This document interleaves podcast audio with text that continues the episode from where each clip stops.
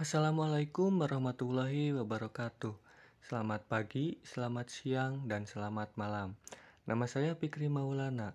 Di kesempatan kali ini saya akan memberikan sedikit suatu ilmu pengetahuan tentang pengangguran. Mungkin kalian telah mengetahui dan mendengar kata pengangguran. Nah, jadi apa itu pengangguran? Mari kita simak baik-baik materi ini. Dilansir dari buku Makroekonomi Modern pada tahun 2007, karya Sadono Sukirno. Pengangguran adalah suatu keadaan di mana seseorang yang tergolong dalam angkatan kerja ingin mendapatkan pekerjaan tetapi belum bisa memperolehnya. Pengangguran merupakan salah satu masalah dalam bidang ketenaga kerjaan.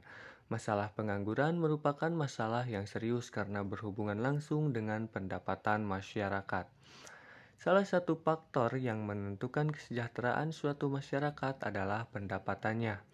Adanya masalah pengangguran dapat menyebabkan berkurangnya pendapatan masyarakat yang pada akhirnya akan menurunkan tingkat kesejahteraan masyarakat.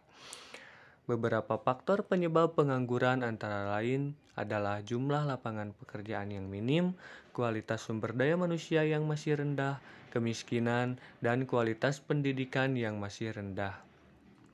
Nah, apabila masalah pengangguran terjadi secara terus-menerus, maka akan berdampak kepada pengaruh psikologis yang buruk dan secara makro akan menyebabkan kekacauan sosial dan politik bagi suatu negara.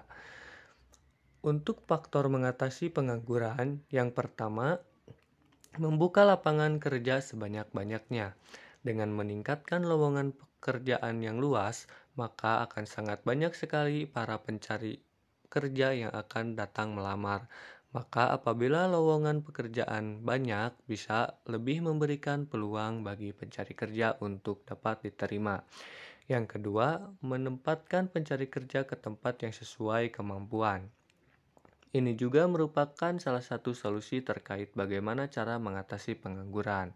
Yang ketiga, melatih para pencari kerja untuk membuka usaha sendiri. Seringkali banyak yang bilang kalau membuka usaha sendiri membutuhkan modal.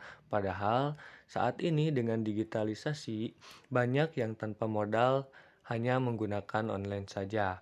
Ini adalah salah satu solusi bagaimana cara mengatasi pengangguran. Hal ini tentu juga akan mengurangi angka pengangguran. Apalagi sekarang dengan online semua orang bisa menunjukkan kreativitasnya masing-masing. Bila pekerja sudah merasa nyaman dengan yang dia lakukan, maka ini akan mudah untuk diatasi bersama-sama. Yang keempat, training dan pelatihan sertifikasi untuk para calon pekerja. Para pekerja haruslah menjadi yang terbaik untuk melakukan pekerjaannya. Keahlian yang dimiliki harus diasah sedemikian rupa agar dapat dipergunakan baik untuk tempat dia bekerja atau suatu perusahaan. Hal ini harus selalu menjadi komitmen agar sumber daya manusia menjadi optimal. Karena itulah keahlian memerlukan training dan pelatihan yang berhubungan dengan pekerjaan masing-masing.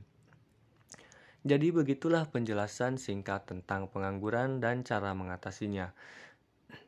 Silahkan kalian mencari ilmu yang lebih lengkap dari berbagai referensi untuk pengetahuan yang lebih luas. Sekian dari saya, semoga penjelasan yang saya sampaikan bermanfaat.